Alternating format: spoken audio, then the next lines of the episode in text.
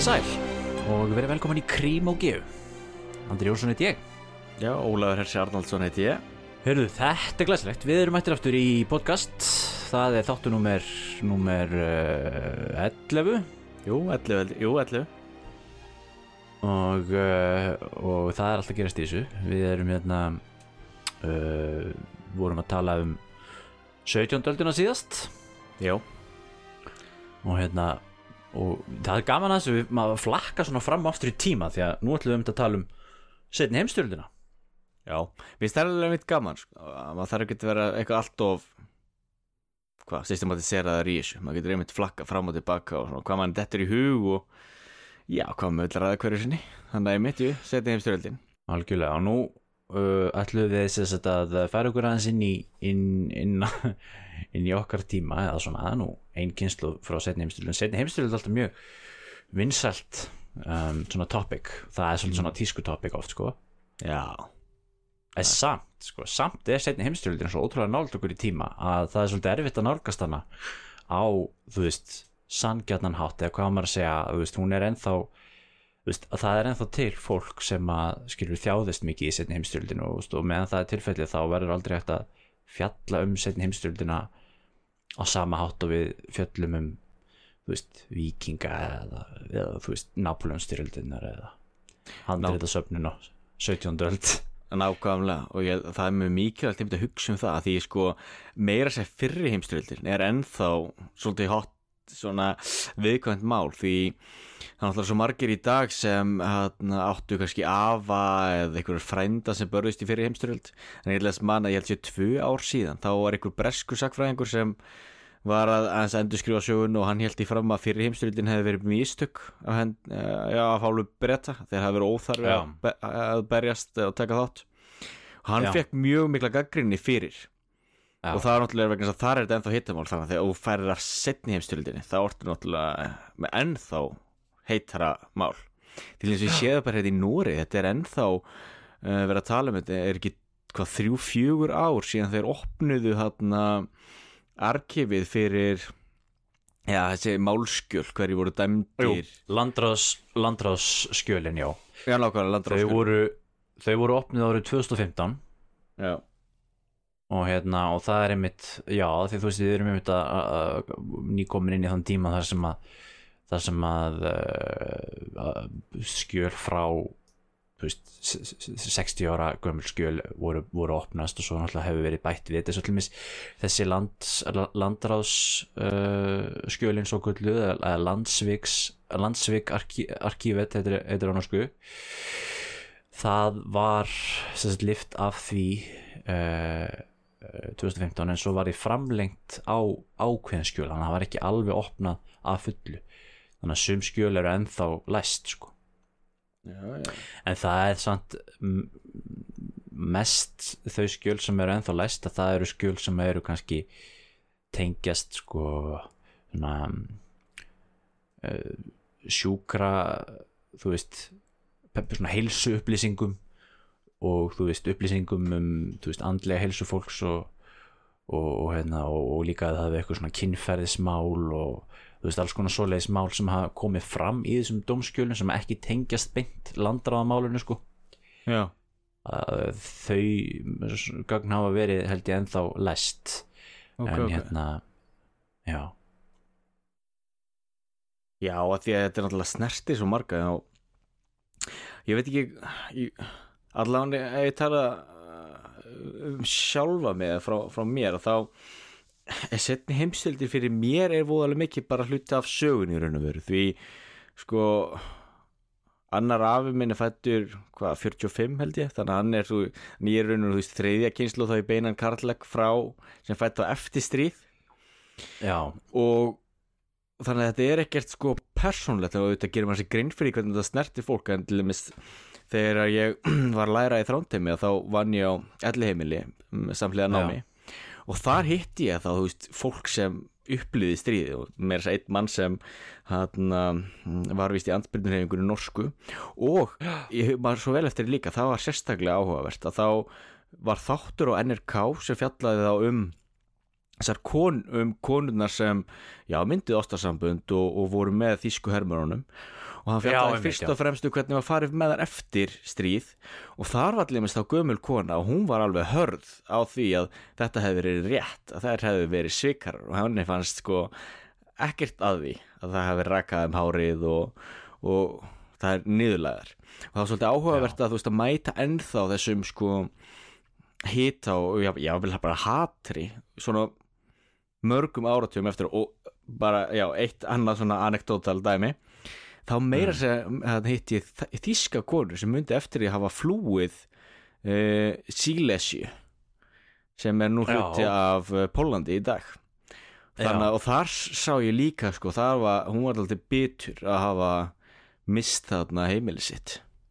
Já, þannig að þetta er rosalega í dag þú veist, maður getur eiginlega ekki ofmet hversu touchy subject þetta er í raun og veru ennþá í dag. Ég meina alls ekki, ég meina meðan fólk er ennþá bara á lífi skilur og, og, og nánustu afkomendur skilur og það, og það verður ekki fyrir en hvað maður að segja kannski fyrir en 100 árum eftir að síðasti eftirlifandinn sko er verður farinn á þessari jörð að þá er kannski orðin svo mikil fjarlæð að það verður að nálgast þetta. En þá Mm. voru við þá voru við tveirjónir örgulega farnir sko. Já, að það duður ekki bara að þeir sem upplýðu stríðið þurfa að falla frá heldur líka þeir sem heyrðu þessar sögur frá þeim að þegar það náttúrulega snertir þá líka veist, pappi var hetja í stríðinu eða afi Já, já. eða hvað það var langafi. Og það er svo þetta sem er svo erfitt. eh, já og líka þú veist ef pappin var sko ef þetta voru kannski landráðamenn Já, og þá þá ertu með þetta hérna sko það, það situr þetta í fjölskyldunni skilur og krakkarnir alast upp við það og, Mm. og þú veist alast upp við það að allir vissu að þeir hefði verið að stafið hinn var, var nazisti eða eitthvað svo leið sko. Já, nákvæmlega. Þannig að það þarf alveg e, tvæð þrjá kynsluður að til þess að þetta svona vatnist út. Eins og ég, ég var að lesa það núna hann önnur söngkonin í Abba, ég man ekki hvað það heita en önnur þeirra, hún er mitt uh, móðir hennar flúði til Svíþjóðar 45, einmitt að því að hún hafði átt í ástarsambandi við Þískan Hermann. Er liðsfóringi held ég. Býta er hún norsk eða? Já, þannig að mamman er, já, hún er norsk pappin Þískur, alveg upp í Svíþjóð. alveg rétt, já, já.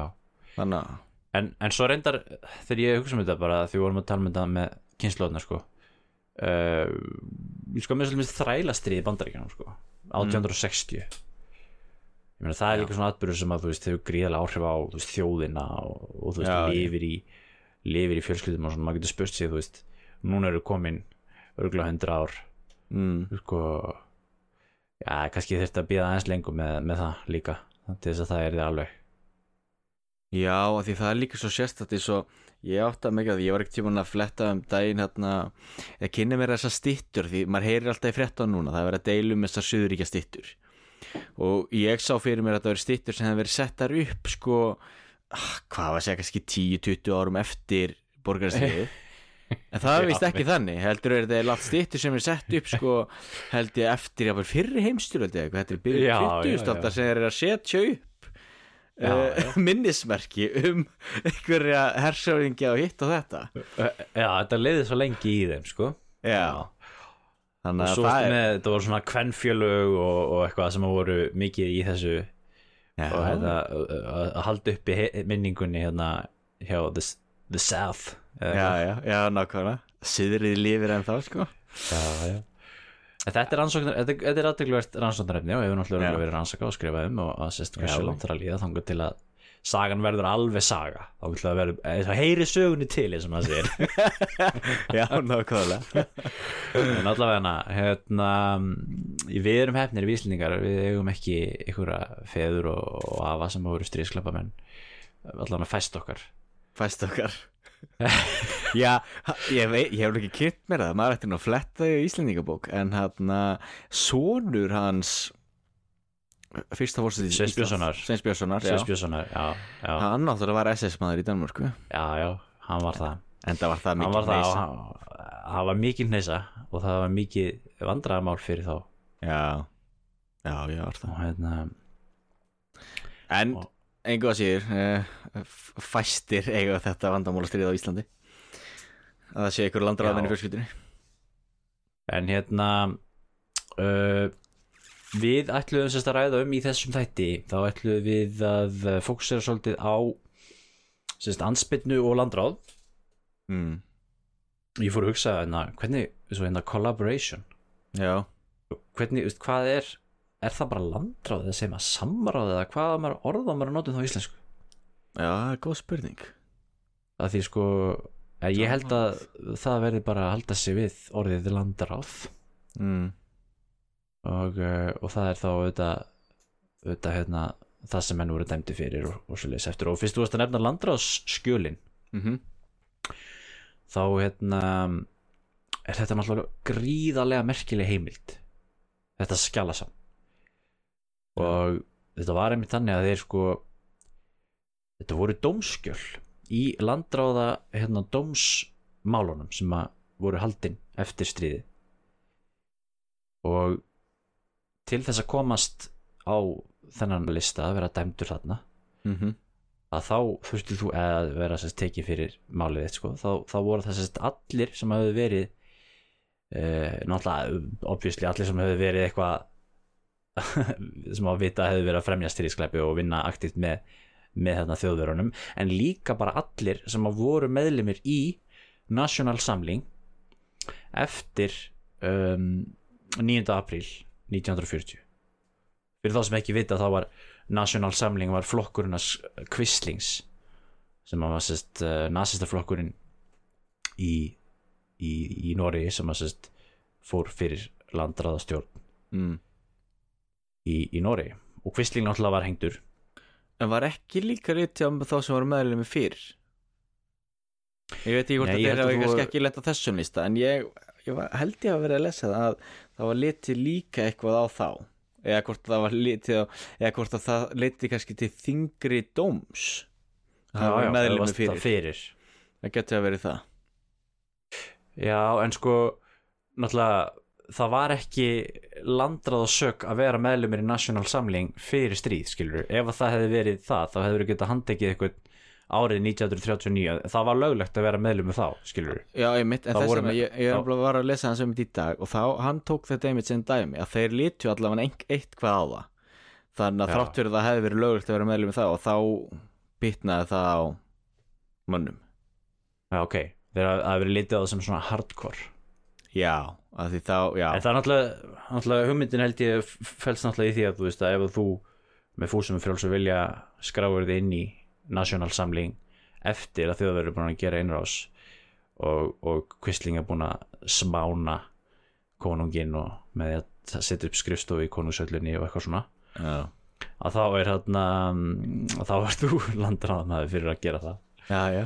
en, alla, en allavega þetta var sagt, mjög mikið af fólki sem síknaði þetta þetta voru 90 eitthvað þúsund var það ekki, manns sem voru teknir fyrir.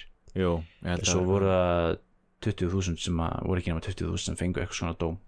Já. En Og þetta eru hérna- hlutvarslega rosalega margir eða þú veist, stór hluti af Nóri á þessum tíma. Já, já, já, já, það er það. Og það var norskur sakfræðingur sem að ég man ekki hvað eitir Mhm. sem að var að rannsaka þetta sem var einn af svona þessum sem fekk út svona einn af þessum fyrstu sem fór að veist, skrifa svona systematist upp úr þessum skjölum. Já, og uh, og hann var að segja frá því að sko þú sér bara horfir yfir fjöldan, þú veist að fólki sem er í þessum gögnum að þá er þetta bara alls konar fólk. Veist, það er engin regla í því. Nei. Það, það er ekki eitthvað sérstaklega mikið af skilur bændum eða sérstaklega mikið af katholikum eða sérstaklega mikið af mótmælendum eða eitthvað, þetta, þetta var bara svona algjör þverskurður af þjóðinni þú veist, já. algjörlega bara hérna, upp á búsettu, kyn, aldur og svo framvegi sko Mm. og, og svo var það þannig að sumar um, sum bæjarfjölög voru með bara allt morandi nazistum og önnur bæjarfjölög voru bara ekki með neina nazista mm. Já, við fórum aðeins yfir þetta hérna þegar við vorum að tala um mástu, þannig í fyrsta þættinum af mástu, við vorum að tala um hérna mástu það sem ég fann í skjálasafninu Jú, já, trans, alveg transkrift af, af réttaröldum yfir Quisling sjálfum. Já, einmitt. Og hérna já þá vorum við að nefna þetta því að í skjálasöfni sveitafélagan er að finna ímislegt um, um þetta og, og það er mitt er það, er það þannig að þú veist að sum sveitafjölu voru sem segi bara morandi nasistum og þeir voru þú veist, tó, voru aktífur í sveitastjórninni sko. Og meðan, eh, meðan annars staðar þá áttu menn mestu vandræði með að finna fólk. Getur þessi komið eins betur því og eftir.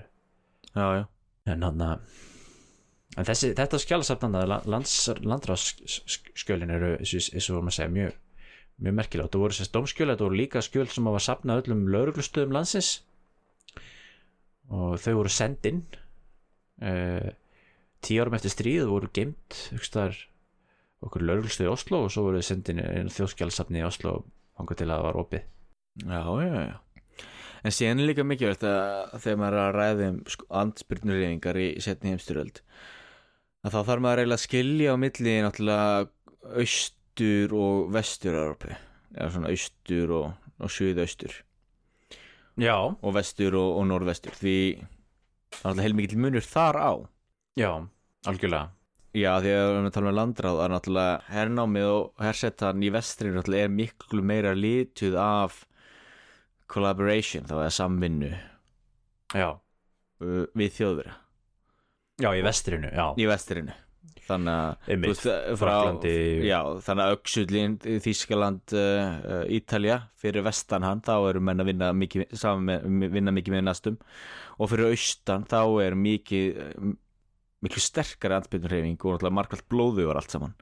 Og Já, allt, já. allt annað umhverfi. Algjörlega, en það var náttúrulega stríðið bara líka algjör eðlismunur á því þetta Já, já, í austrinu og í vesturinu náttúrulega bara algjört bara hérna jungle bara þarna í austrinu sko. Já, meðan- en, en síðan spurning uh, hvort að maður er að líti eitthvað á mismandi lönd og Já. Hvað, hérna nú er náttúrulega Frakland þekkt sem svona veist, það er svona frægasta svona ansbyrnurhengin, eða franska ansbyrnurhengin og það er náttúrulega Já. þetta ekki af því það var endilega einhver stærsta eða merkilegasta ansbyrnurhengin endilega heldur vegna þess að það er Frakland Já, sko Frakland er alveg rosa á, á við alveg svakalega fortíðavanda að stríða þegar kemur að setja heimstyrjöldinni alveg þvílíkt. Sko, ég get alveg sagt, Hvar, sagt hvar get ég að byrja? En hérna, já, ég ætti kannski að segja allavega að ég held að þessi andspyrnu reyfing frakka sér rosalega mikið bara mýta og ég er mjög gaggrinn og skeptiskur út í þessa, þessa sögurskoðun frakka og ég held að það sé það sem við sjáum meira af núna og munum sjá ennþá meira setna að þetta er náttúrulega Já, svo já. rosaleg niðurlæging fyrir frakka náttúrulega eins og að tala með þetta er náttúrulega mik- þetta stóru, stóru veldi á sínum tíma þeir eru unni fyrir heimstyrjöldina eiga þetta mikla nýlundu veldi sitt þeir hafa Napoleon og bakvið sig og, og franska konunga og krossferðir og allt þetta. Já, og fyrir þá að vera svona gjör sigraðar og svona skömmum tíma að þá var þetta svo hryllinni niðurlæging að þeir búa sér til þessa mýtu þá í kjölfar frelsörunarinnar og de Gaulle sérstaklega því einhvern veginn þurfa að reyna sem frakkarnir að skipa sér sesk og sem hluta sigurvegurum sem er í raun og verið líka algjör þvættingur. Þeir er alltaf bara gjör sigur í þjóð sem gátt ekkert nei, nei, það er rétt. sem er að Það reyna að spila eitthvað stórkall sko algjörlega og, og þeir náttúrulega fengu, fengu útluti hernámsvæði í Þísklandi já, og fengu fasta staði í, í hérna í öryggisráði saminuð þjóðana sem að náttúrulega saminuð þjóðanar eru auðvitað bara í grunninn náttúrulega bara bandamenn í setni heimstyrjöld pluss Sovjetríkin það, það, það er það sem varð saminuð þjóðanar. Já, að því að sko þegar maður sko, skoðar heimildi betur og það sem er að koma í ljós er að sko, megin þorri frakka náttúrulega hugsaði bara um það að lifa af eins og megin þorri fólk, fólks gerði í vestur og norður-Európu já, og þessi ansbyrnur hreyfing sem er verið að vísa til það er bara eitthvað sem gerir satt neila á síðustu dögum stríðsins. Þegar að, já, þegar að menn gera sér grein fyrir því að Þískaland er búið að tapa þessu og það er bara tímaspursmál þá loksins byrja menn eitthvað að fara að rísa upp á aftfætunar og já, veit eitthvað almennilegt viðna sko þú sér það held ég í öllum hernumdu löndunum allan í vestrinu, bæði Noregi og Danmörku og Hollandi og, Bel og Belgíun og Fraklandi og aðstæðar þá sérðu þetta sama trend sko að, að ansbyrnurhefingin hún, hún, henni vex fiskur um hrygg uh, svona eftir hvað maður að segja, eftir Stalingrad þá verður svolítið Já. kvörf sko já, og þá átta menn sig svolítið á því að svona, heyrðu, wow, býttu nú við, þetta er nú kannski ekki alveg að kannski erum við að fara að tapa stríðinu og hérna og þá var neins gott fyrir mig að hafa eitthvað, eitthvað gott að segja hérna eftir sko.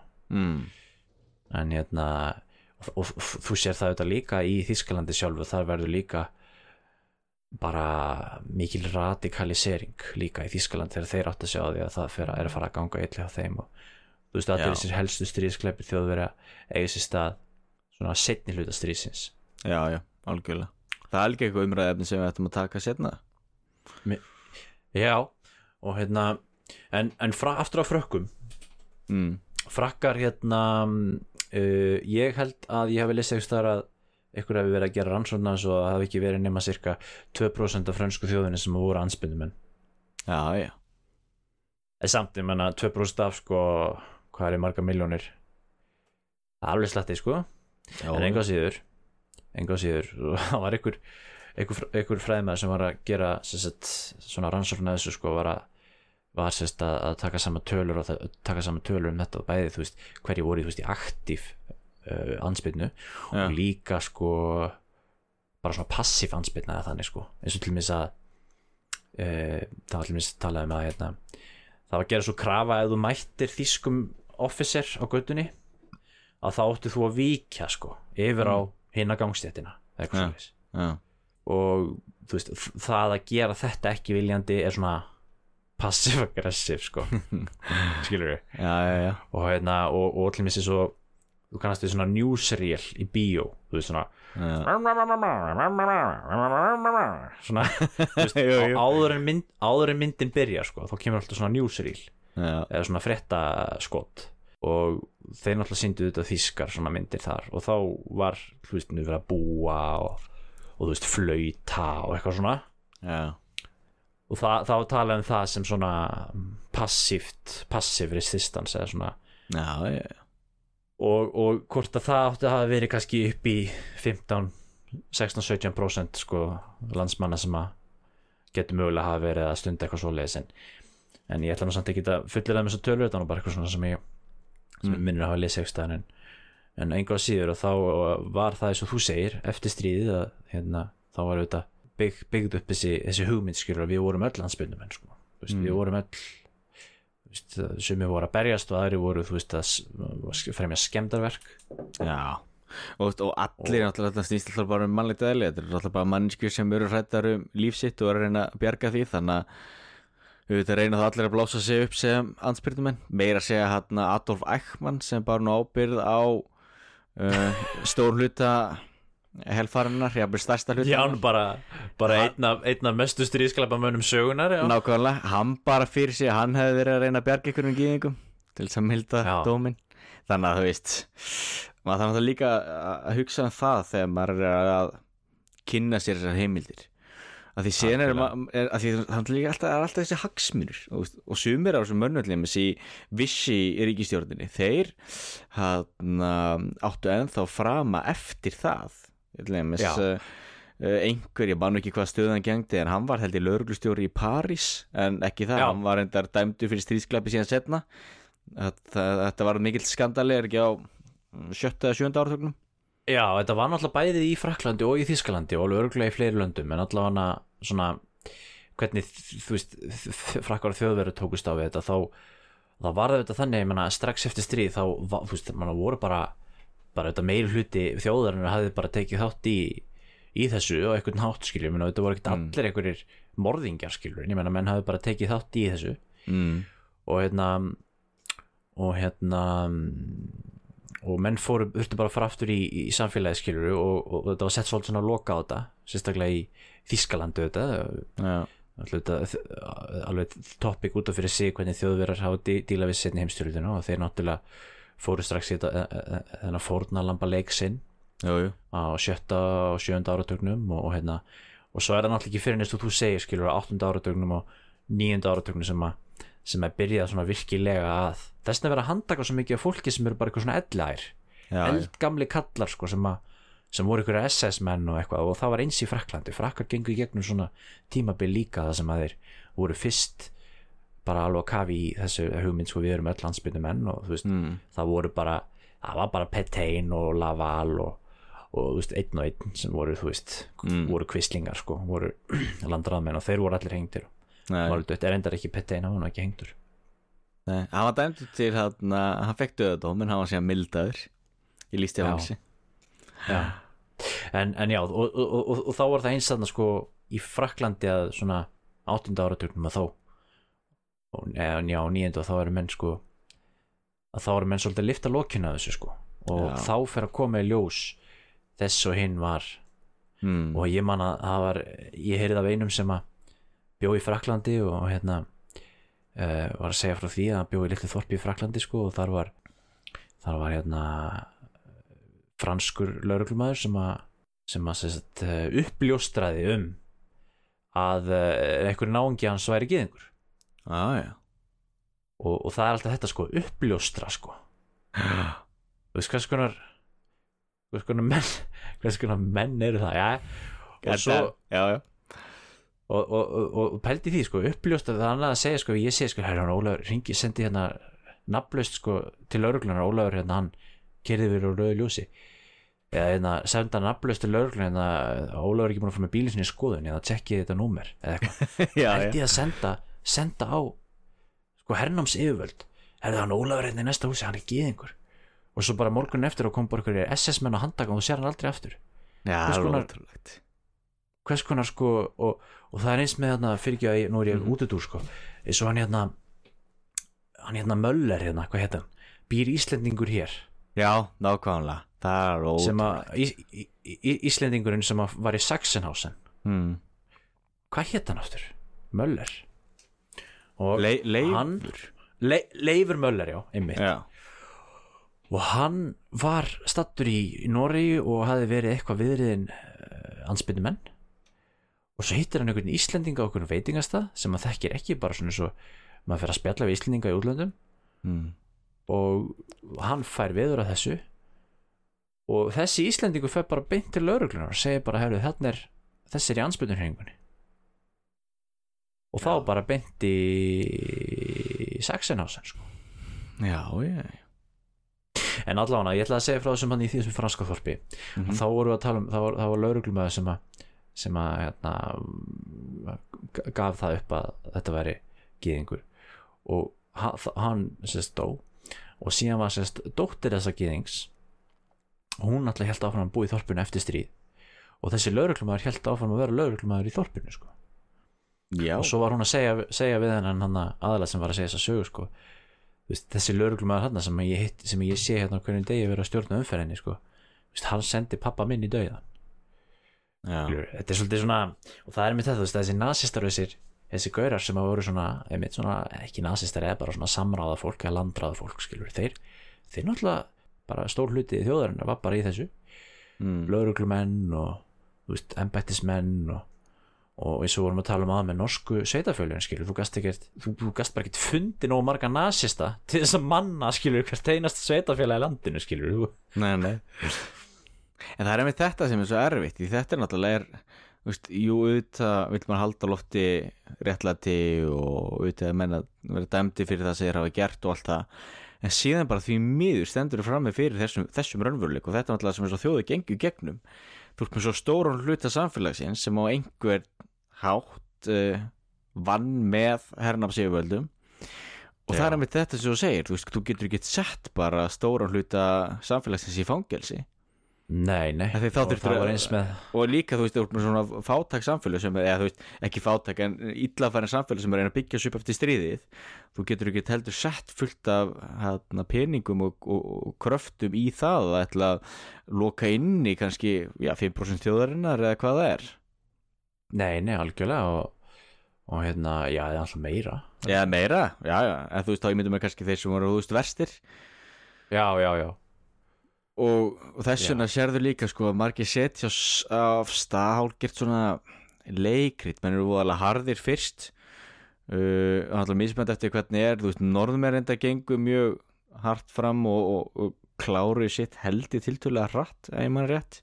Þannig að með stanirnir Danirnir áttu mjög setja einstu mjög erfið fyrir Danir því náttúrulega danska ríkistjórnin ákvað að vinna með Þískalandi og þeir unnu náttúrulega með þeim uh, allt stríðið en síðan þegar að stríðslók og þeir sá að Þískalandi tapa þá vann ríkistjórnin með ansbyrnurhefingin og integreraði ansbyrnurhefinguna inn í ríkistjórnina já, en síðan kom að því sko að þeir þurftu að ræða það náttúrulega hva, hvað eigum við að refsa eða rannsaka náttúrulega þessa þingmenn sem unnu með þjóðurum í setna stríði og þá náttúrulega hver, hverjir áttu að dæma um það og ákveða það? Jú, það voru sömu þingmennir þannig að ég held að kringu 47 þá kom niður staðan að nei það er ekki, ekki rannsakað. Nei, einmitt. Já, þetta er, er- Danir voru náttúrulega alveg með áttuðu svolítið sérstætt hernum það er mjög sérstætt, já Já, En síðan líka- Danir einmitt já. Já, nei, nei uh, talaði endilega um Dan áður en ég já, þetta var eiginlega mjög sérstætt eiginlega bara einstakt hvernig var farið með Dani. Þeir voru, þeir voru hálfgjörð svona protectorate svolítið svona. Þetta var, Já, og hérna meðan til mis á meðan þú settur upp svona rekskommissariat í Noregi og uh, Fraklandi og veist, öllum hernumdu sveðunum meðan Danmörk var í rauninni um, eins og þú segir ríkistjórnin var áf, áfram við völd og þeir meira þess að heldu kostningar já, já. 1943 og það hlýtur að vera eina Það eina hlýtur að vera. Já, já sko já, í henni hernumdu, ég ætlaði náttúrulega að segja í henni hernum, að sjálfsögðu í her, henni hernumdu Evrópu, sko. En sko, ég menna eins og hinar líðræðis þjóðanir eins og Breitland og þú veist, þeir frestuðu kostningum mm. er það ekki rétt hjá mér? Jú, jú, þeir gerðu það. Breiðandi frestuðu kostningum Nú hluta því myndi af hverju Churchill síðan tapaði að menn svo að það hefur verið místu kjóðanum að búða svona stemma til kostninga eftir stríð. Já, já, ok, já. En pældi líka pældi, þú veist, dirfskan að halda út í kostningabaráttu Mm. undir þessu hérna hernámi. Já, já. En það er Og líka, hérna- hann tókst þú uh, uh, kurs í þrándheimi uh, sem hann fjallaði um svona efnagssögu Þýskalands í setja stríði. Herðu, já, ég gerði það, einmitt. Já, og er ekki hann Adam Tooze held ég sem skrifaði það, í Wages of Destruction sem er Já, uh, mjög svo löng og mjög góð bók. Mjög góð bók og algjör svona eye-opener. Algjörlega, en, hann segir einmitt þar og ég man ekki hvort að hann segir það sjálfur eða hvort hann segir að vísa í annan sakfræðing en þar allavega kemur eh, er því haldið fram að það sem hafi verið hættulegast fyrir Dani í setja stríði hafi verið svona uh, offita. Og þannig segir hann náttúrulega svolítið í gríni en það sem hann á við er sko Dani náttúrulega fluttu út meira af maturheldur en þeir neittu sjálfur sem Já. náttúrulega var sérstakt í, í stríðinu því það var eiginlega höfuverkur og vandamál. Já, Og- einmitt. í raun og veru koma mjög vel út úr stríðuna ímsu leiti og, og hernami í Danmörku var ekki neitt hryllingur ef menn bara höfðu þessu þokkalega. Já, og hérna hugsa sér líka eh, þessa sér meðferð sko, að, að þessu vorum að segja með, með, með sko, þingi starfandi Já, meiri segja með sko jú, kommunistaflokkurinn var reyndabannaður já, hann, hann var reyndabannaður, þau settu sérstök lög og það var eitt af þessum svona, þessum svona concessions sko, eða svona þú veist sem þeir þurft að gefa eftir. Já, svona með, með svona alveg hálfum huga sko. Það Já. var að þeir þurftu að hérna, setja lög sem bannaði kommunistaflokk Danmerskur og aðra kommunistaflokka en, en það er nú geta verið vera sko. Og, og, og hérna og, og, og ég segi, dyrskan sko haldt út í kostningar og svo þetta með kongin kongurinn er náttúrulega norski flúði. Já, já, á meðan sko danski kongurinn sem var nú hvað bróður hans eða hálfbróður hans eða já, hans hans. Já, hann sko hann mætir hann bara á hestinu bara í á mannfjöldan sko. Og svo var nefnilega, þú kannast náttúrulega við hérna, kannast kannski við hérna símskeitismálið sem hann var hérna þegar Hitler sendi danska konginum Kristján X símskeiti á ammælinas s- árið 1942 og sendir honum eitthvað svo langt alveg svakalega langt og fallegt símskiti bara yðar hátegn óska því er til hamingi með afmælið og bara eitthvað langt formlegt bref frá Hitler sjálfum sko. Já, já. Og svo svarar hérna Kristján bara takk fyrir kveðja Kristján X. Eða eitthvað svona. Og Hitler alveg brjálega sko. Já, Hitler alveg hérna og, og þá greip hann semst, í ykkur svona persónleiri bræði sko, til ykkur svona aðgerða gegn dönum sko, ykkur svona reyði yfir þessu virðingaleysi sem, að, sem að danski kongurinn síndi sko. já, já, já.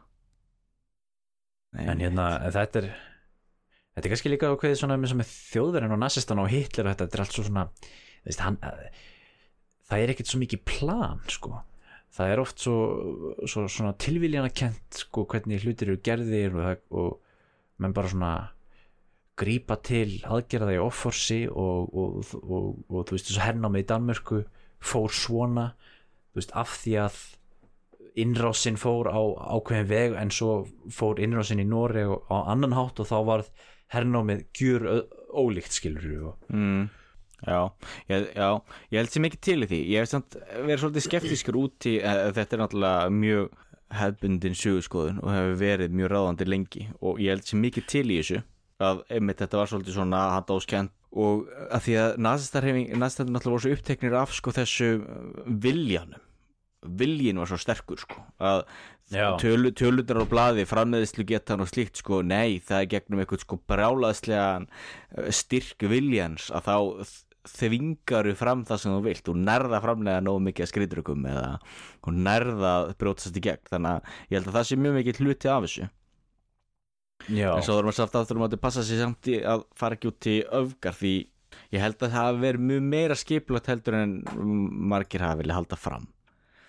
Að það hefur svolítið verið þessi hugmynd sko að mála þá í sem verstu ljósi og skiljanlega en uh, sumir hafa verið að líka sko þriðja ríkjunu jafnvel við bara svona, svona mið austurlenskt uh, satrapi einhvers konar eða með einhvern svona soldán og, og einhver svona Já. rosa spillingu, ég held að þá gangir út í öfgar já, þetta var náttúrulega hann hérna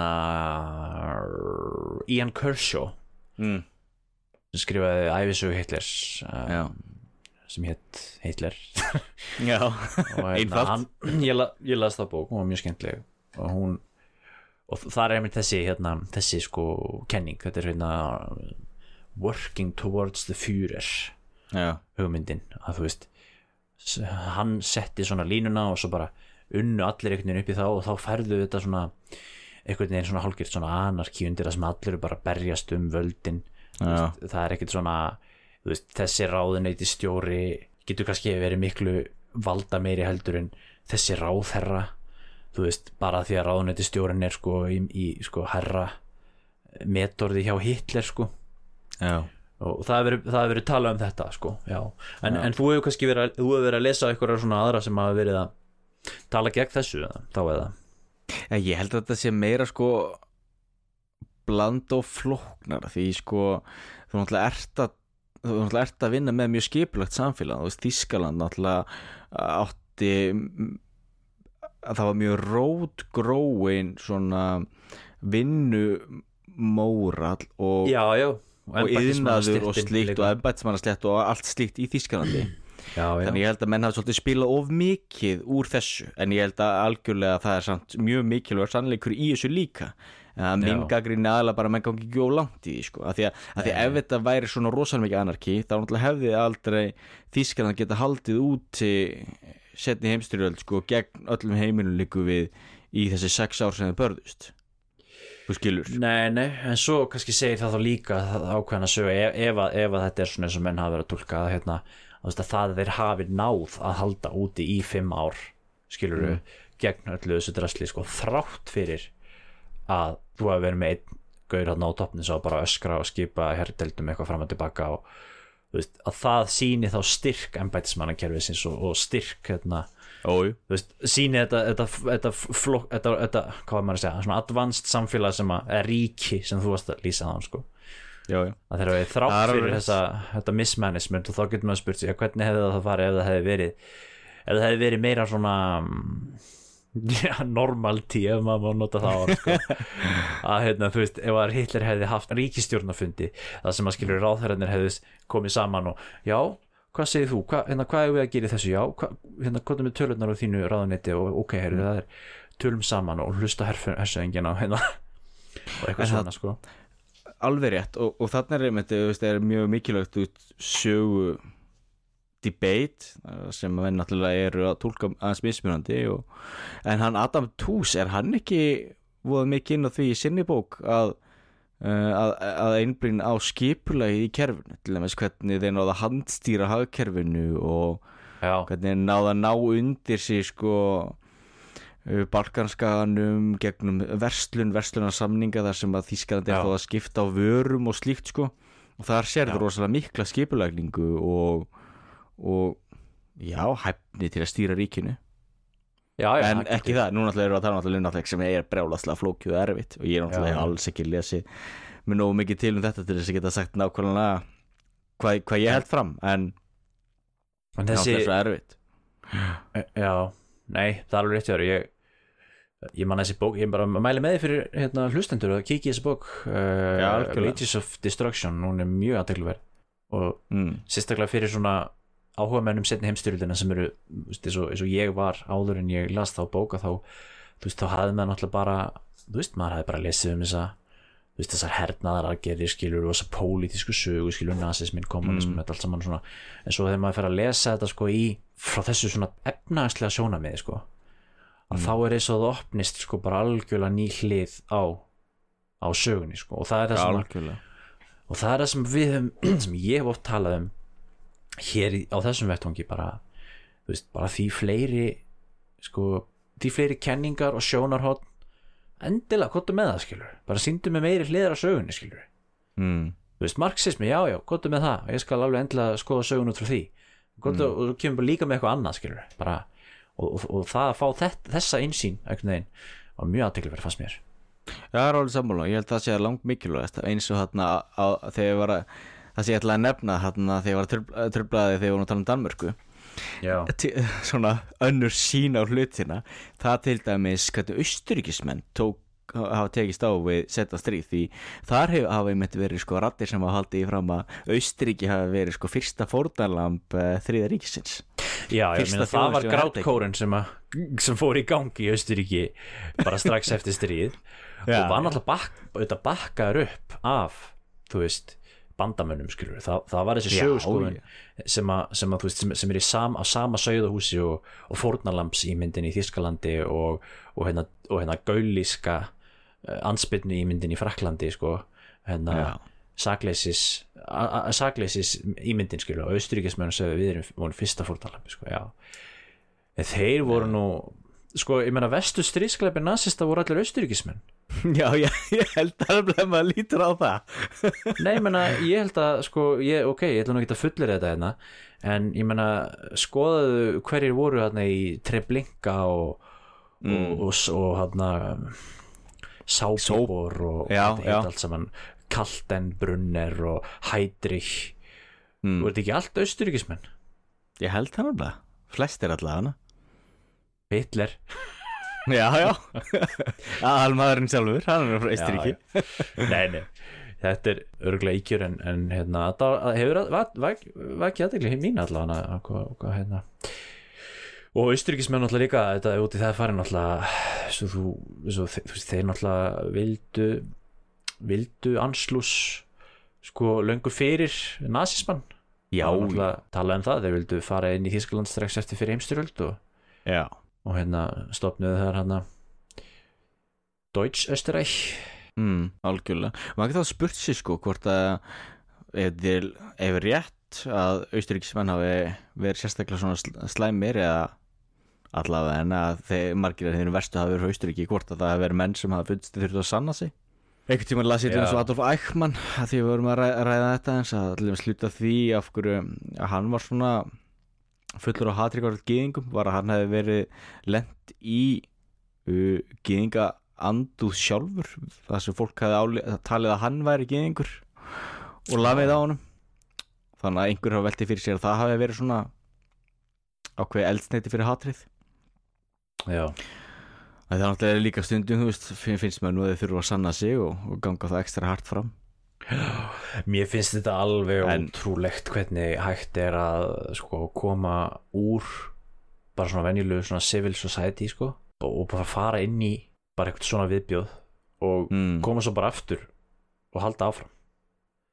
Og mér Já, finnst það nógu mér, mér finnst það nógu nógu svona óskilnleitt fyrir bara vennilega hermenn. Hvað þá eitthvað svona eitthvað svona SS En reyndar hefur nú verið talað um það að mikið af þessu liði sem að voru í hérna voru að fremja þessa hrittilegu styrískleppi að það eru dæm, veist, það eru marga sögur um að menn voru að drekka sér fulla og þú veist menn voru að já, já. Uh, skilur við að þeir menn þóld þol, ekki þennan viðbjóð sko margir. En þá, einmitt, þá mælum við með því að fólk lesi líka hérna Police Battalion 101 held ég hann heiti. Það er sér að uh, sakfræðingur sem eh, rannsækjar svona lauruglu hers, herdeld sem hérna samast og fyrst og fremst af miðaldra karlmönnum frá Hamburg. Og Hamburg var mikið sósjalista við þannig að megnið af þessum mönnum voru sko verkamenn og haf, hafnaverkamenn og slíkt og voru ekki nazistar en voru hérna kallaðir inn í þessa svona, svona hálf uh, her uh, lauruglusveit og þeir voru síðan settir í það að hérna, að taka af lífi gýðinga í Pólandi og það sem er svo, á, það sem er svo stórmerkilt til þetta, þetta eru bara sko venjulegi fjölskyldumenn og ekki bara sem síðan frömdu þess að glæpu ekki bara það, þeir fengu tækifæri til þess að fara heim. Og þeir voru sko spurði þú veist, þeir gerur svo grein fyrir hvað þeir var að fara að gera þeir ættu að taka geðing, fara með henni í skóin og skjóta henni nakkan. Og þeir fengu tækifærið að ekki gera það og já, fara heim. En flest eiginlega allir afþökkuðu það. Ég held að hafa verið ykkur tveir í þessari deild sem ekki, ekki gátu uh, fram við þessi ódæði. En þá er útskýringin á því sko að ef þú gafsti og fóst þá varst að yfirgefa viniðina og svíkja viniðina já, já, og þarna held ég sér maður þá sko hvað, hvað verist vera sterti í manninum sko að tilherra einhverjum hóp og já. taka þátt þá í hópum sko, passa upp á hópin líka það sko, ef þú fóst aftur þú varst búin að vera í ykkur svona stúsi og, og svo færðu tilbúðum að fara aftur og veist, hitta fjölskylduna þín og kannski bara hefur bara svo mikið óbræði mununum að þú bara getur ekki horst í augu við það sko það getur líka Mm. verið en, Já, algjörlega. en, en núna hefur þetta náttúrulega verið öruglega rannsaka mikið þú veist á sálfræðingum og, og til bara, bara mikið litteratúr um þetta sem, að, sem að ég hef ekki lesið neitt mikið en ég veit að það hefur verið bara rannsaka mikið sko eðli bara streiðsklappa manna, ekki bara í Þískaland heldur líka þú veist Júgoslavíu og Afríku og þetta hefur verið sk- Já. skoðað rannsakað mikið svona, það er alveg bara heilt þeim áta fyrir sig. En við ættum kannski, nú erum við konið svolítið út af leið. Jó, ég veit það, við ætlum að lí- taka þetta ekkert tíma aftur. Við höfum að taka þetta En- aftur hérna, En það er einmitt þarna líka, ok, að því núna erum við í Pólandi, við erum í Austyrinu já, Því ég gerði mig aldrei grein fyrir því. Og það, það var nefnilega var líka svolítið svona eye-opener að uh, þegar maður er að lesa um setni heimstyrildina og þá er maður alltaf vantilega að skoða kort líka. Að, að, að, og þá er náttúrulega alltaf spennandi líka að sjá sko, ok, hvaða ár voru Þískaland hversu mikið voruð búið að leggja undir sig og, og Þískaland alltaf venjulega lítið í, í rauðu. Og, og svo sér maður kannski, þú veist, þegar Þýs- Þýskaland er upp á sitt þærsta og sér maður hann alveg risastótt og rautt landsvæði sem Þískaland er búið að leggja undir sig í austri.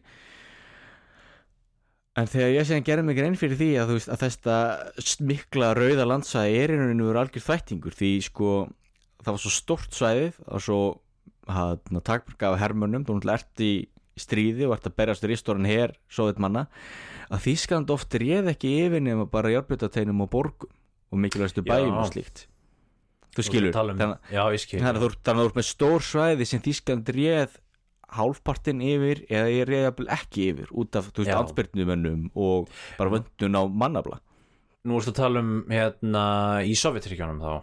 Já, þú veist, í Já, þá austri því að það er líka svolítið fyndið sko, það er alltaf að tala um hérna sko, þar, þar, á, ma- þar á maður vist að nota orðið skæruliði meðan já. í á meðan sko hinn megin átt að segja ansbyttumæður að því þú sér það á íslensku, nei ennsku ertu með sko resistance Já. og svo ertu með partisan sko já, já, en það er auðvitað einhver eðlismunur á þessu vegna þess að annað var ennþá í stríði á meðan hitt var uh, algjörlega yfirböð en samt, þú talar um hérna Tito og mm. -hmm. júgoslavinsku uh, skæruliðana, þeir eru alltaf kallaði partisans eða skæruliðar já. en ekki ansbyrnumenn Nei, mitt er ekki, En- en ansbyrnumærin er hlýtur að vera hluti eins og segir af hinn borgarlega samfélagi ennþá. Já, ég held að það sé það. Því hitt er svona militarized sko, þetta er svona, já, já. þetta er alveg svona her herstruktúr í hjá skæruleðanum sko. svona paramilitary, myndum við ekki kalla það á ennsku já, já, einhver svona hálf. já, eða þannig, eða paramilitary, er það ekki svona hálf? Þú veist, paramilitary police, er það ekki svona hálf hervætt, hvað var að þunga á vopn og búnað og slíkt?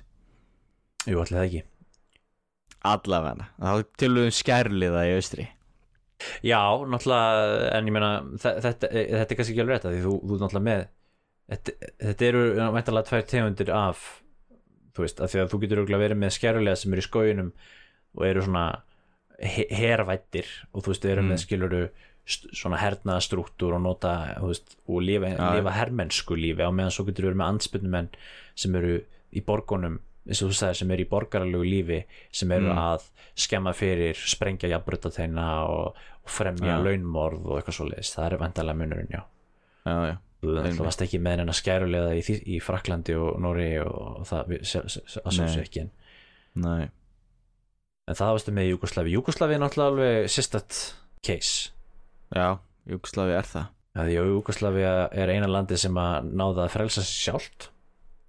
Og náttúrulega lifði og fekk á launum alveg sérstaka meðferð í eftirstríði já, náttúrulega öll löndin í Európu eftir, eftir stríð eru náttúrulega alltaf litið að því hvernig þau voru í stríðinu og það er náttúrulega gildi bæði fyrir Júgoslavi eh, bæði fyrir náttúrulega austur og vestur Európu sem voru frelsuð af þjóður hérna bandamönnum og sovjetmönnum og svo ertu með Júgoslavi sem var frelsaða sjálfum sér. Og svo ertu með Finnland og Svíþjóð sem að voru í þessu sérstaklega hlutverki og öll þessi Já. lönd höfðu, þú veist, mismunandi eh, voru í mismunandi stöðu eftir stríð þetta er svolítið aðdegluvert já, það er það algjörlega en síðan er líka sko og, saga Júkoslavi líka svo ennþá sorglegar að því að þú veist, jú, það er svo rosalega blóðugt og, og mikið hattur að Júkoslavi, náttúrulega bæði e, ganga þjóðurinnur gengur og þjóðurinnur rosalega hart fram og voru algjörlega að taka af lífi fullt af borgurum til að hefna fyrir er ekki eitt þýskur hermaður er drepinn það voru að tekna lífi hundrað eða hvað það er. Já, en síðan náttúrulega ertu líka með Króatana sem náttúrulega vinna al, al, mjög náið með Þýskalandi.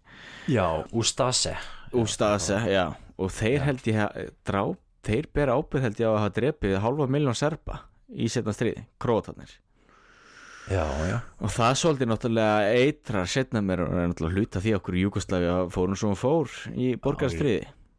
Algjörlega, ég meina það var, það var bara grundvallar þáttur í því. Já, það voru Já, þessi, þessi sár sem voru bara grafið niður og, og, og náttúrulega á tímum kommunismas og náttúrulega voru menn um, ekkert mikið að já, fara neinum vellingartökum um hlutina Nei, alls ekki. Talandu um það, þarna, ekki tíman heyrði ég það að þegar að þarna mm, þeir voru að ræða þetta Winston, eða Churchill og Stalin og, og félagar um hvernig þetta hvað þetta gera við Þýskaland eftir stríð, hvort það var ekki á Potsdam ráðstöfninu þá. Allir trúman Mm. hafði ekki verið þarna. Þá sagði Stalin að taka lífi 50.000 mars það var bara hans, bara skjóta 50.000 næsta búið með það. Já, já, þá held, þá held ég að Churchill hafði spurt okkur ekki 55 eða eitthvað slíkt? Þetta er klikkalið maður. Tala um þetta sko. Það er til hérna sko það er til gögn um, eh, sko, miði sem að sem að sko Churchill skrifaði á og gaf Stalin þannig að stendur sko hérna Jugoslavia 50-50 Greikland þú veist, 90% til hérna 90% breska áhrif 10% mm. soviska áhrif Búlgaria 80% soviska áhrif 20% breska áhrif já, já, 80% Það að skrifaði miða skilur hrípaði svona niður á miða og gaf það Stalin ég, meni, ég veit ekki hvort að ég sé að ljúga þegar ég segja þessi miðið sér til eða hvort þetta sé sögursagt bara. Nei, ég held sér rétt, ég veit ekki hvort að minnst sér til en, en ég, ég með lesið þetta líka og, og Churchill alltaf var að gamla skóla. Já, já, já, já. Það. en það, þessi náttu hann og Stalin ágætti sambandi, þú veist, þeir skildi það þeir eru bara svona realpolitík, sko. Þeir eru ekkert í einhverjum svona bandarískum hugssjónum og Nei, nei, samt, og- eh, samt náttúrulega er Churchill auðvitað mesti andkommunisti sem að sem að finnst. Og var ekki hans Já. að segja þarna ef Hitler hefði ráðast inn í helviti þá hefði gert samningu djöfulinn.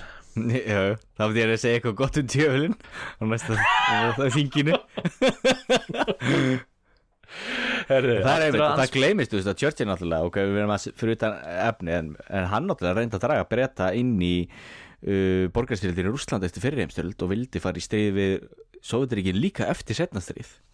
Já, það er rétt. Ég held að hérna eh, Já, já, Churchill er annað, annað, annað topic en hann auðvitað Já, bara eins og þú varst inn á með hann, hvernig hann hljóms var reikin frá völdum og, eða hvernig hann fylgju hvernig hann hvernig fór fyrir honum eftir stríðið og, og allt þetta en, en fyrst að þetta er nú sagfræði hlaðvarp þá er nú verðt að tala um það að Churchill skrifaði nú sagfræðiverk árið 1940 og eitthvað um, sem heitir Mm. setni heimstyrjöldin, saga setni heimstyrjöldarinnar Mhm. og fekk fyrir það Nobelsvelunin í bók, bókmyndavelun Nobels Fjakk hann það?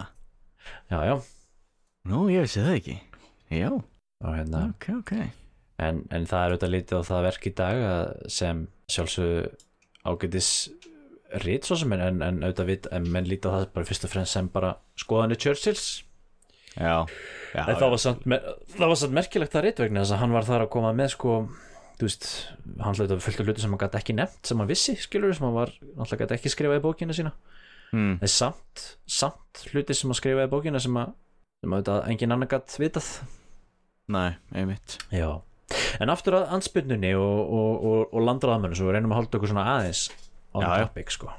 Hérna, við vorum að tala um þú, veist, við vorum að tala um austrið og munin á austrinu og vesturinu og við færum okkur aðeins í- vestrið af því að vestrið er einmitt aðtegluvert að, að hérna, því þar ertu með sko, þar ertu ekki með ná svakalega barbarisma þó að það hafi náttúrulega verið auðvitað algjört bara við, viðbjöður auðvitað sem átt sér stað en, en, en náttúrulega ekki svona barbarismi bara á þessum skala eins og var í austrinu Nei, nei, einmitt og það hefur náttúrulega líka svolítið með þetta þjóðverjarnir sko, þeir voru náttúrulega flokka þjóðir og það er hlutið þeirra kynþáttastefnu.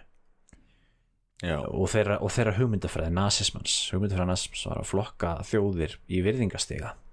Það sem þú varst með, varst, með germani efst eða teftóna.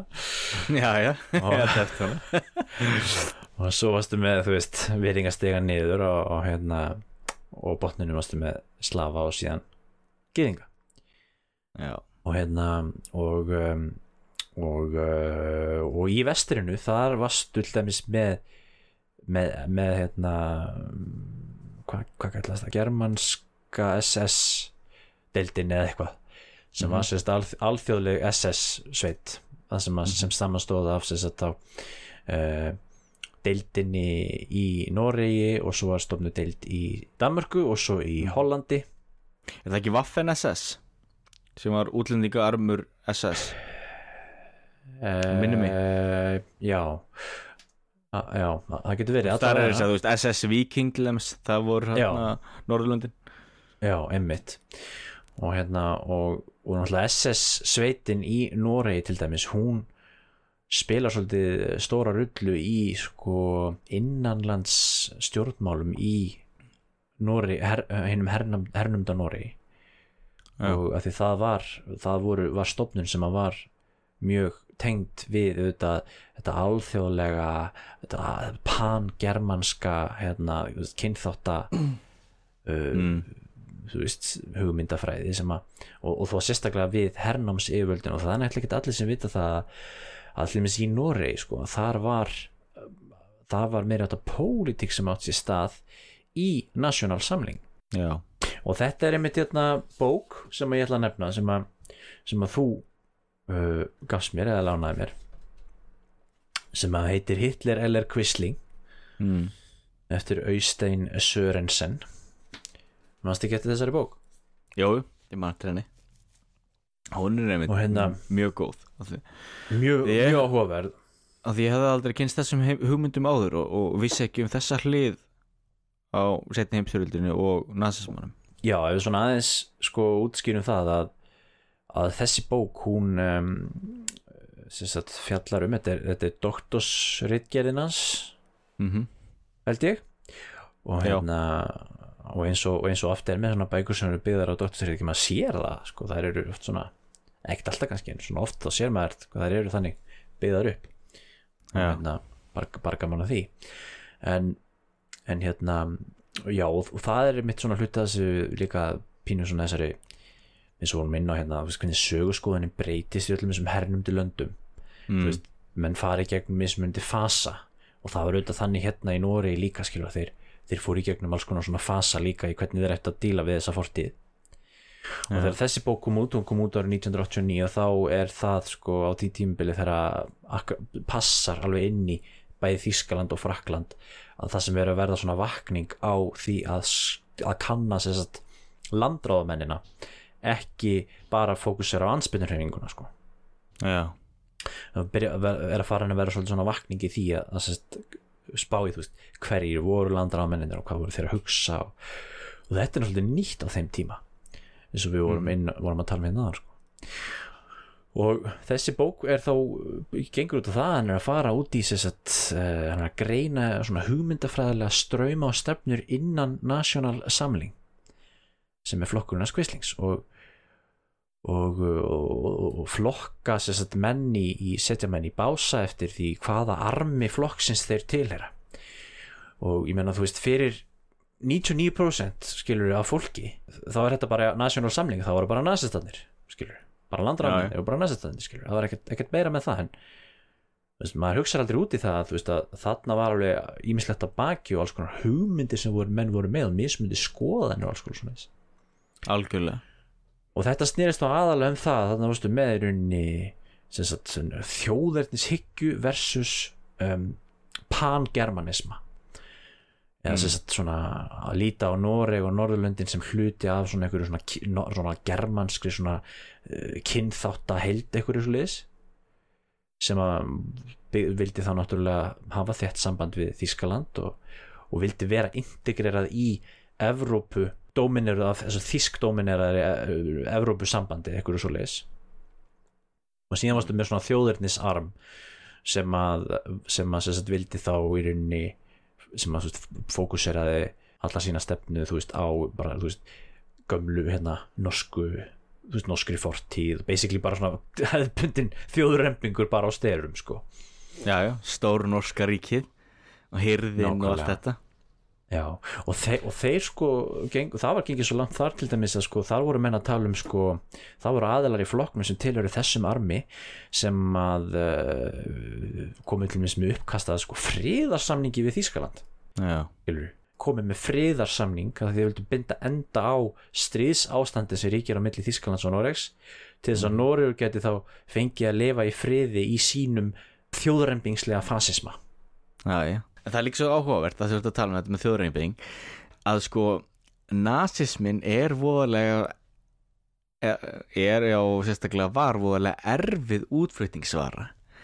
Því sko þú ert náttúrulega með það svona öfga þjóðurninsíkju og það er voðalega erfitt að flytja það yfir til annars yfir í annað ríki því þá náttúrulega hlýtju þá það ríki sem að lítast á þessum hugmyndum að taka upp á sína, sína arma eigin þjóðurninsíkju sem náttúrulega á endanum stangast á við þjóðverðinshyggju móðurlandsins eða föðurlandsins sem það er þessu tilfelli að þjóðverðinshyggja í Þískalandi og í Nóri þannig að þú sér allir með þess að þjóðverðarnir voru aldrei neitt sérstaklega hrifnir að því að íta undir fastaflokka í uh, hernum til Londonum með undatekningu þá er í rauninu verið Nóri sko, þar sem að kvistling þeir já viðukenna ríkistjórn hans en, en það held ég að hafi verið ákveðin mistök sko og þjóðverðar hafa aldrei verið neitt sérstaklega hryfnir af honum kvisling og þú sér það allir missi annar staðar í Ungverðlandi og, og Rúmini og svona allir missi í Rúmini þjóðverðarni gerði ekkert til þess að bjarga hjártvarðarliðunum Iron Guard í Rúmini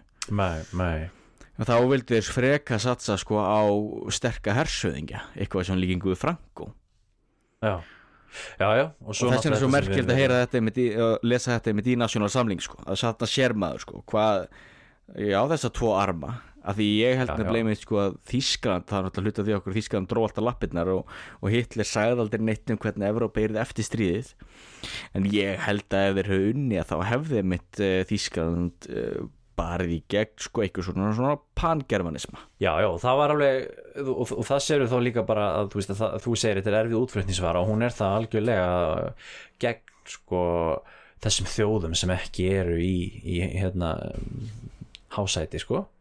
En hún, er, hún, virkar, hún virkar allavega að einhverju marki gegn þá þessum germunsku þjóðum sem eru þá Danir, Normenn, Svíjar Íslendingar, Færiengar Englendingar og, og, Já. og Hollendingar en, og þá séru það líka að, hérna, að þeir voru að tala um það í National Samling að það er alveg, maður getur séð ákveðna þróun í þessum hvor armurinn verður ofan á og hvor, hvor er undir Já. að fyrir stríð, alltaf National Samling var stopnað árið, hvað, 1933 eða ekki og, mann það ekki? Já, já, og, og, og var náttúrulega bara svona míniflokkur sko, algjör bara svona mikroflokkur og fyrir stríð þá var náttúrulega var, var, var nasjó, svona þessi þjóðurnisli armur náttúrulega að sjálfsögðu bara með yfirhöndina og var, var bara eina sem að menn voru að spá í. Þeir voru ekkert að spá ykkur um pangermanisma að neinu leiti þá, allan ekkit ekki, ekki neinu svona umfangi eins og síðar. Mm og, og hérna og, og hann verður það í rauninni eftir um, hernámið fyrir ekki fram, fram að hernámi. En eftir hernámið að þá fær pangermanismin mikla svona mikinn hljómgrunn í flokknum. Og það er vegna þess að þá ertu komin að þessum hvað maður að segja, löggildingar vanda af því að þeir voru náttúrulega við völd og hvernig áttu þeir og þeir þurftu náttúrulega að finna sér löggildingu. Og það er rauninni sama vandamál og, og kommunistarflokkanir voru að eiga við í Östur-Európu eftir stríð þegar allir vissu að þeir voru settir við völd af rauðahernum. Og þeir voru stöðugt í löggildingar vanda sko, hvernig eigum við að útskýra það að við séum við völd? Og það er eins með National Samling eftir 9. apríl 1940 að þá náttúrulega þurfti þeir að útskýra fyrir norsku þjóðinni það okkur þeir voru við völd. Og þá, og þá er voðalega létt að sko að, að grípa til þessa pangermanísku kynþáttahyggju sko og, og, og, og, löggilda sig með því. Og, á meðan sko hinir þá, þá er ákveðið svona gjaldþrótt hjá þessari stefnu þjóðirnis manna af því að þeir geta þá ekki lengur sko með einhverju svona einhverju, einhverju sannfæringu staðið og sagt sko grundvallar Nóruður á að vera frjálst og sjálfstætt ríki herra þjóð og eitthvað svona. Á meðan það er sko undir hernámi þjóðverja og, og það, það er svolítið erfitt fyrir þá að selja þá hugmynd algjörlega en svo eftir, hvað var það 42 þegar að hérna ég ætla eftir Stalingrad og, og hérna og þegar að byrja að ganga svona illa hjá þeim að þá að þá uh, byrjar að koma aftur þá fá, fá þjóðrembingsmenn aftur svolítið svona byrji undir báða vangi að því að Ja. þá þá fara menn að þú veist, þá er þetta pan-germanska ekki lengur í tísku sko. Nei, nei, nei En svo líka uh, er áhugavert að sjá ennþá betur sko munin uh, eða sjá, þessa kynþáttahyggju í, hérna, í verki. Að ef við lítur á Belgíu. Að Belgía náttúrulega er með söður hlutan sem er þá fransku mælandi og norður hlutan sem er talar er það ekki flæmska? Jú, jú, og flemsku það, og það sem að nazistatni sko voru að halda norðurhlutunum á lofti sko. Þeir eru voru þá germanir einhverju leiti já, já, og meðan náttúrulega frakkarnir eru þá meira þetta mið, mið, miðjarar fólk. Já, þannig að, þeir það var mikið vandamál eftir stríðið sko að þarna hefði ákveðnum hluta landsins verið haldið á lofti og, og meira barið á já. En síðan er það líka sko, var það líka mikið deiluöfni sko á milli Ítalíu og Þískalands að, að Þískaland vildi aldrei viðkenna Ítala sem, sem Arja eða sem einhvers konar heiðurs Arja þannig að það var svolítið svona svona styrleiki hérna á milli Þískalands og Ítalíu hvað það var það já, Mussolini var að pressa á Hitler sko að viðkenna það. Já sem, sem Hitler vildi ekki. Aðteklivert þetta með líka með hópa þú sér þetta alltaf í trekk og trekk sko þegar hérna e, þegar þú veist, þú, þú herrnemur eitthvað að, að þá er svolítið sniðut að, að velja eitthvað hóp til þess að kúga hinn. Já, og hérna er- velja, þá, velja þá þann hóp sem að hefur þá verið kúgaður eins og, eins og til dæmis bara þessi, eins og vorum að tala um aðan, Ústase mm, króatarnir skilur þeir, þeir höfðu alltaf verið í minni hluta undir serbum. Já. og svo þegar þjóðverðinni leggja undir Júgoslavi þá, að, þá setja þeir króatana í, í, hérna, í fyrsta sæti og þá byrja þeir að stúta serbunum. Já, og svo, eftir, og svo fá, fær það það allt þá koma þessi sár sko eftir stríði sko sem, að, sem vorum, að- vorum inn á áðan og það náttúrulega gerist það líka alltaf, uh, Tito var króati skiluru og á meðan hann var á lífi skiluru þá helst eitthvað svona balans þar sem Mm. hann var náttúrulega þú veist, Serbía var var aðalandi í, Júgoslavi á meðan Tito var króati sjálfur þá átti með ankominn svona balans mm. og, allt, og allt, allt þakkað niður og haldið niður en svo náttúrulega um leið og hann deyra þá byrjar að sjóða upp úr og svo um leið og kommunismin fellur og þá bara pff, brenn, springur allt og, og þú fær þjóðamár sko. Og það var líka merkjað að eh, gaman að því við töluðum náttúrulega líka um hana, Huntington og Class of Civilizations að þegar að hérna Júkoslæði liðast í sundur og þá voru þjóðverðarnir til dælulega fljótir sko að uh, tala máli Króti og, og rússarnir þá náttúrulega reyna að já, jú, náttúrulega stóðu með serbum en náttúrulega hafði ekkert bólmægt til þess. Og Tyrkir og svo múslemst ríkir náttúrulega voru upptekinn þá að þeir reyna eitthvað að hjálpa Bosníu. og það er svolítið áhugavert líka þannig að það sé maður þessar línur sko. Já. Ekki það að ég ætla að fara að bera Júkoslavíu stríðið saman við uh, samvinnu þriða ríkisins og króata í setna stríði en það er samt merkilegt að, sjá svona þessar löngu línur. Nei, nei, þetta er líka hérna náttúrulega eins og þú, eins og þú segir Júgoslavia er bara svo rosalega mikil söðupottur alls konar og náttúrulega norðurhlutin Króti er náttúrulega og við tala um, þú veist ka katholskur og mm. var undir þýskum var undir austuríkismennum skilur meðan serbarnir eru orthodox og nota kýrilisletur og þú veist já, já, og eitthvað svona þannig að það er gaman að þessu sko mm. en síðan er líka sko í Núri að því Núri er náttúrulega svo sterk andspyrnu saga Já, og hún er mikið sterkari heldur en í öðrum ríkjum uh, Vestur-Európu og það er náttúrulega vegna þess að þeir náttúrulega hafa meira fyrir sér í því, náttúrulega kongurinn flúði og það er náttúrulega er hetjulega saga út af fyrir sig. Þar sem hann flýr upp uh, eftir Nóri endurlöngum til, ekki Narvíkur? Þar sem hann kemst síðan loksins um borði í brest skip og, undir, þú veist árásum þjóðveri og sprengingum og, og slíkt. já. Og tóku gulli með sér tóku gulli með sér.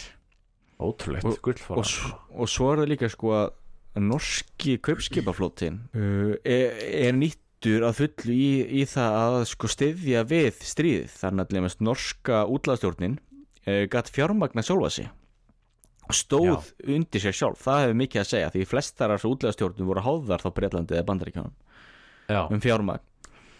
En það dóu held ég 6.000 norski sjómenn í setna stríði það er helmingur allar sem létust í Núri ég held, held að vera 12.000 manns í kringu það sem létust í setna stríði í Núri já, já, já.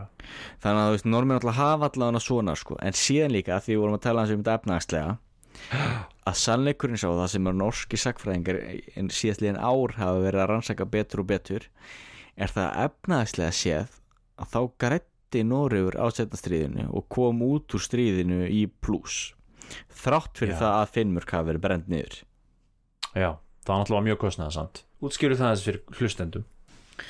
Já, eða þarna þjóðverjar er það í lok 44 Ég kann, já, er það ekki, sem flý, flýja uh, út úr Finnmörku og og þá náttúrulega undan uh, uh, rauðahernum og þá brendu norðmenn uh, megnið að Finnmörku niður. Allir norðmenn voru hraktir suður. Og þeir séði bara kveiktu í bæjunum kveiktu í, bæ, í hérna, bæjum og, og bílum og, og skutu búfjanað og, og eigðilöðu alveg hryllilega mikið til þess að einmitt hérna að tefja för rauða hersins. Þeir voru rættur um að þeir myndu ráðast inn. Þetta er náttúrulega svolítið merkilegt að þetta er svona í norskri sagn, sagnaritun þá er þetta þetta er svolítið merkilegur atbyrður vegna þess að á ákveðinu leiti þá hefur hann verið svolítið glemdur og, Mm. Og náttúrulega norð og, og, og er svolítið svona í Nóri er það þannig að, allir, að veist, no- norður normenn hafa oft verið sko, þú veist, sætt sko ofbúslega miklum fordómum í gamla daga sko og, Mm. og þú veist, fólk vildi ekki sjá norður normenn sko. Það þótti alveg vestið þjóðaflokkur sko og, og það voru auglýsingar í dagblöðum skilur hérna herbyggi til leigu sko norður normenn þurfa ekki að sækja um sko. Já, og, og eitthvað svona sko. Og, og samar auðvitað líka og, og hérna og menn hafa stundu talað um það að, að, að þessi útreið sem Finnmörk fekk að það hafi verið sko hluti af stríðinu sem bara í marga áratögi var ekkert talað neitt sérstaklega mikið um skilur en er samt í rauninni eini eða bara veist, versta stríðsútreiðin sem Norröru fekk auðvitað var Norröru Algjörlega. leikinn í innrásinni 1940 og náttúrulega voru loftárásæri og allt, allt mögulegt en, en þetta var auðvitað bara versta útreiðin skilur mesta eðileikingin sem var hann uppi. Já, en svo hinbóin að þá hefur líka oft sko þetta oft notað sem sko dæmi um illvirki þjóðverja? Já, þú veist, sjáðu hvað voru nú ógislegir að gera þetta. En hérna það gleymist á stundum náttúrulega kannski að, að þetta er náttúrulega svona scorched earth taktík, sviðin jörð taktík sem að var mjög algeng hernaða taktík í, í landhernaði og var notuð alveg að bága bóa á austuvíkstöðunum uh, já, mikið. Og, og, og gengur náttúrulega það að þú, þú, að þú framkvæmir svona hvað segir maður, svona taktíska hérna, svona tactical withdrawal, hvernig segir maður það á íslensku? Hérna, taktíst undanhald. Undanhald, já. Já, skipulagt undanhald og, og, og brennir allt alla brýra baki þér til þess að, Já. og þá og svo gleymið stundum að þetta er rauninni bara svona að þetta var rauninni hernaðargerð sko og þeir höfðu þó að minnst kosti fyrir því að uh, að rýma rýma f- fólkið í burtu. Fólkið var flutt í burtu. Og það er nú ákveðin mannúðar stefna í því svona í það. Það, það að hafi- myrkrinu sko. Ég held að það er meira að segja sko hlýft ákveðnum byggingum sko kirkjum til dæmis og slíku. Já, en hérna yngi og síður þetta var þetta mikið leiðilegging en, en þó náttúrulega hefði getað sínt á sig ennþá meira mannmór sko með því bara að skilja fólki eftir. En það gerir það nú ekki. Og þarna sér það það- þá líka þennan sko kynþáttamun því á Ístuvíkstöðunum voru menn nú bara skildir eftir já, já, eða bara skotnir svona til þess að það. En, en, um, en þú varst nú að segja hérna áðan að já, normenn komið vel út úr stríðinu og eins og við Íslendingar, við komum líka vel út úr stríðinu heldur betur. Já, algjörlega. Og ég held Það að er- það sé efni í annan þátt Íslandi setni heimstyrildinni ég held að já, já, Ég held að það sé eitthvað sem við ættum að taka fyrir líka og ég veit að núna eru þeir í, í sagfæræðingafélaginu að fara að efna til nýrar um, hátegisfyrirlestra raðar hvort það sé næsta, næsta vorun já, það sem að það er verið að kalla eftir erindum og, og hérna á þemað er blessað stríðið eða sérst íslenska Íslandi setja heimstyrlu það verður mjög aðteklegt að fylgjast með því. Fyrir þá sem ekki Algjörlega. vita að þá, að þá er sagfræðingafélagið með hátíðsfyrirlestra sem eru, eru aðgengilegir á vefsíðunni þeirra. Og nú getur hlustað á þá. Já. mjög aðteklegt algjörlega. Það þegar maður er nátt Já. en þá líka bara ef maður nefnir svona konkrétt uh, dæmi um hvað Nóru gætt og, og setna stíði þá er til dæmis norsk hútrú Þetta er Já, það ekki, norsk. það er þessar hérna, vassafsvirkjarnir í Nóri og, og álframleiðslega í Nóri sem því skal nú- mikið upp þeir voru nú að byggja mikið á Íslandi hérna, voru þeir ekki norsk hýtrú sem að var í, á, á Karonikum Já, er það? Já, já. já, já, já. Það er fyrirtæki sem er í fullingu á geðan þarna í dag Já, já, þetta er eins og Volkswagen og Siemens og, Jú, jú. Þessi, Þetta lifir og fyrirtæki. Ég meina, maður á ekkert að hlæja þessu, þetta er náttúrulega viðbjöður Volkswagen, Volkswagen og það. Siemens voru fyrirtæki sem að sko og BMF og allt þetta, þeir voru með þræla vinnu af, skilur Og Boss, fatta framleiðandinn Boss, jú, jú. Og IG Farben mm. sem, að, sem er nú held ég ennþá til. Og, Nei, held að þeir hafa list það upp. Þá, þá Já, var ok. of hryllilegt Já, róð mikið, já, að því þeir voru í Auschwitz og þannig það var svo rosalegt sko. Já, Já. En ekki það, þú veist, fullt af þessi fyrirtækjum þú veist, Porsche Já. og allt þetta. Já, ég, En talandi um þetta líka sko, hérna, að þú varst að nefna hennan, hennan kurs sem við vorum í háskólanum hann fyrir Já. mörgum árum síðan. Og því að hérna þar man ég að ég átti að gera eitt verkefni í þeim kursi sem var að, að sem sagt, skrifa um uh, eina eitthvað svona, maður átti að velja þessi svona grein. Mm og þá ég eitthvað grein sem fjallaði með um sko, sem að, að eitthvað sakfræðingar voru að uh, gera svona fyrstu tilraunina til þess að kortleggja heildar fjölda uh, uh, þræla vinnuafls í Evrópu í setni heimstyrildinni það að vera sko, að taka saman tölur sko. og ég hefði nátt að undirbúa það ég nú getað að tala um það betur ef ég hefði undirbúa mig sko, fundið fyrir þessa grein því að hún var mjög aðtegli verða að að þræla vinnuafl náttúrulega hjálpaði mjög mikið til stríðsrekstur þjóðverja. Já, og, og það er fyrst og fremst náttúrulega frá hernum til löndunum ekki bara austrinu heldur líka fullt af fólki frá vesturinu, franskir stríðsklæpamenn nei, fyrir ekki franskir hérna, stríðsfangar alltaf ég segja. Já, já, frá Hollandi og, Og- Belgíu og Hollandi og Belgíu já. og hérna og, og þetta var þá fólk sem að runninni sem var að sko leggja til þýsk stríðsrekstur náttúrulega þó að það hefði verið ekki viljandi þannig en þeir voru samt að hjálpa til við hann. Já, og, og það hefur líka komið fram að þegar maður fer að skóta út frá þessum efnaðslu hliðum að, að, að hérna, hernumda Evrópa tók áfinnanlega þátt í mhm, þíska stríðsreksturinnum með hergagnaframleyslu og það er til dæmis Frakland mhm, bara mjög stór hluti af þíska, þískri hergagnaframleyslu var bara franskur yðnaður algjörlega. Og, og, og tekneskur yðnaður líka. Þeir eru náttúrulega með skóta og, og, voru, með, veist, voru með flotta skriðdrega og, og, og hergagn, hergagn sem þeir voru að framlega fyrir stríð sem, að, sem fór náttúrulega beint í þíska hergagniðina sko. Og skipti hann miklu máli.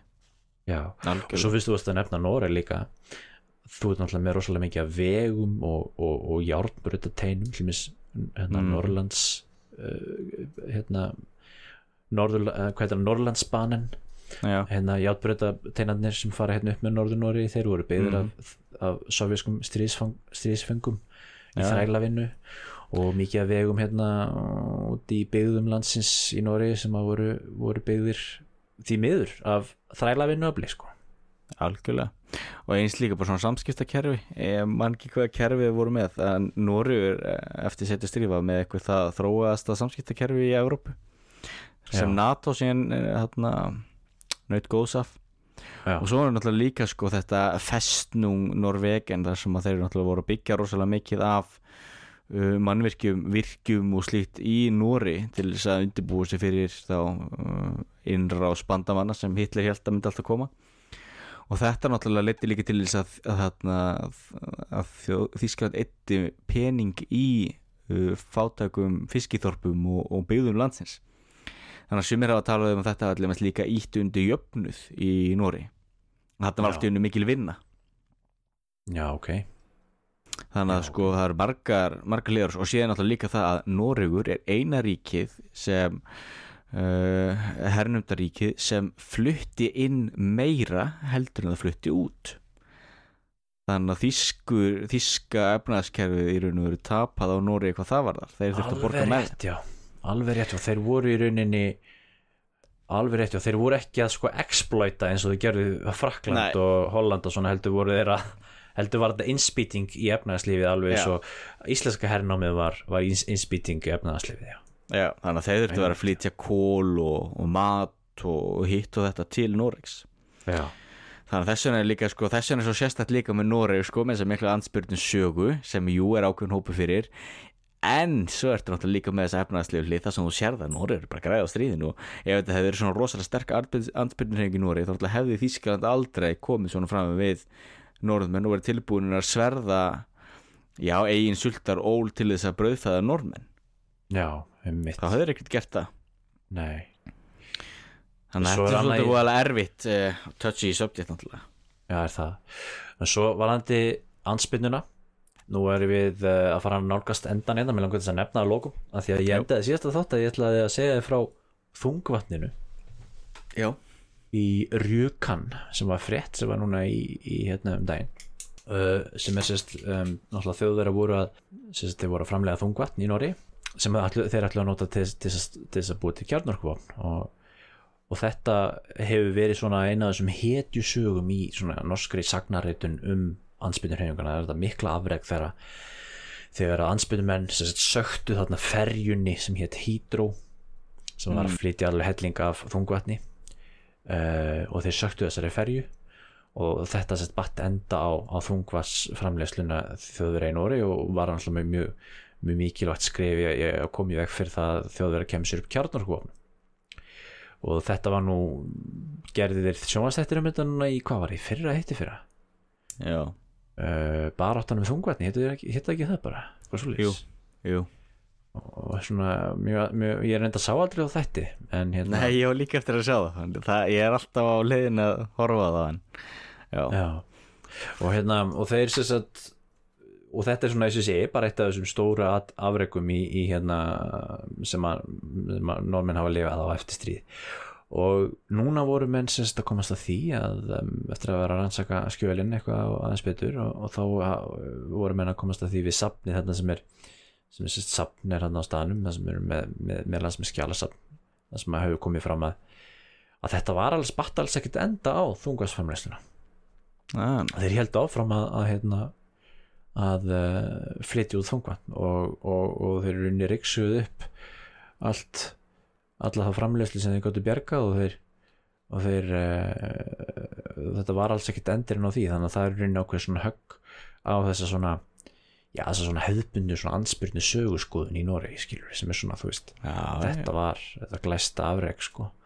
Og hérna þá erum við komin aftur að þessu með með hlut ansbyrnum manna í, og, og hvernig þeir hafa verið í sögurskoðuninu og það er náttúrulega mjög mikilvægt að nefna það í því samingi þetta að, í vestur-Európu þar varstu með náttúrulega greiðlega stór hluti ansbyrnunar voru kommunistar já, og þeir hafa náttúrulega algjörlega verið glemdir í e, vestur-Európskri sagnarutun og sögurskoðun um, eftir stríð.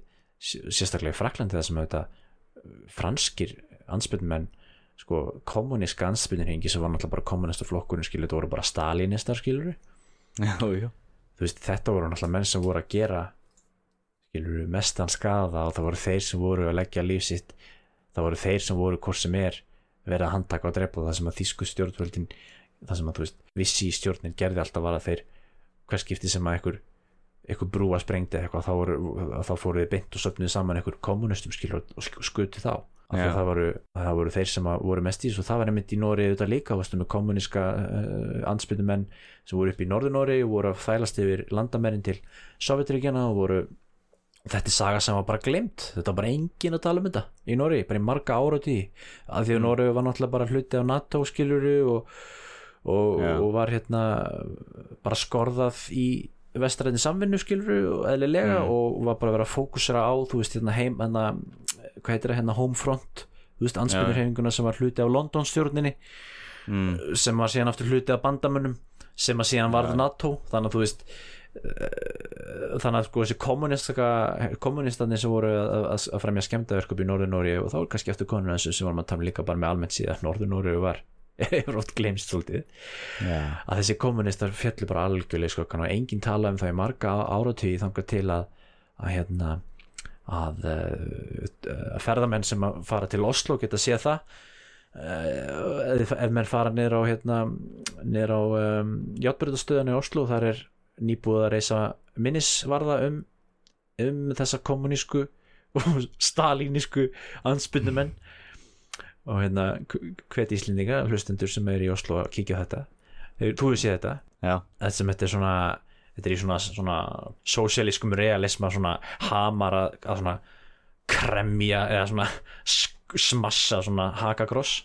Já, já. En þetta komið líka inn á þetta alltaf, að það er alltaf þessi hagsmunir sem er alls þar já, og það er það sem er svo erfitt og þess vegna þarf maður alltaf að komast sem lengst frá sem sögulega atbyrjum þannig að sé sem minnst hagsmunir til þess að reyna að fá okkur að yfir sín algjörlega. En það var aftur Já. móti vandamálið að það var kannski búið hverfa svo mikið af heimildum og það kannski minna sem maður hefur úr að vinna en Já, það er bæði það, þetta er, þetta er svolítið tvíekja sverð sko sagan, Uh, bæði er það sko færri heimildir sem fjarlæðin gerir, en fjarlæðin gerir það líka þú er meiri yfirsýn og hefur, hefur fleiri heimildir í rauninni já, þannig sé ég. Og, og þú veist þá til mér sé svo ef við erum að rannsaka samtíma atbyrði í dag þá höfum við bara þær heimildir sem við höfum svo líka fyrir það er alls konar skjöl sem eru lestunni skúfun sem við munum ekkert sjá fyrir eftir 100-200 ár. Hmm. Já, já, ég held að við getum örgulega að tala hérna í allan dag en ég held að við þurfum bara að fara að um, slá botnin í þetta hérna hjá okkur. Jú, jú, þetta er búið að vera góð þáttur. En ekki það, bara heyri það að Við höfum nóg efni í fleiri þetti Það vantar ekki. Algjörlega, við, hérna, við eh, segjum þetta gott bili uh, og við þökkum fyrir, um, fyrir í dag og uh, sjáumst í næsta þetti Sjáumst í næsta þetti Verið sæl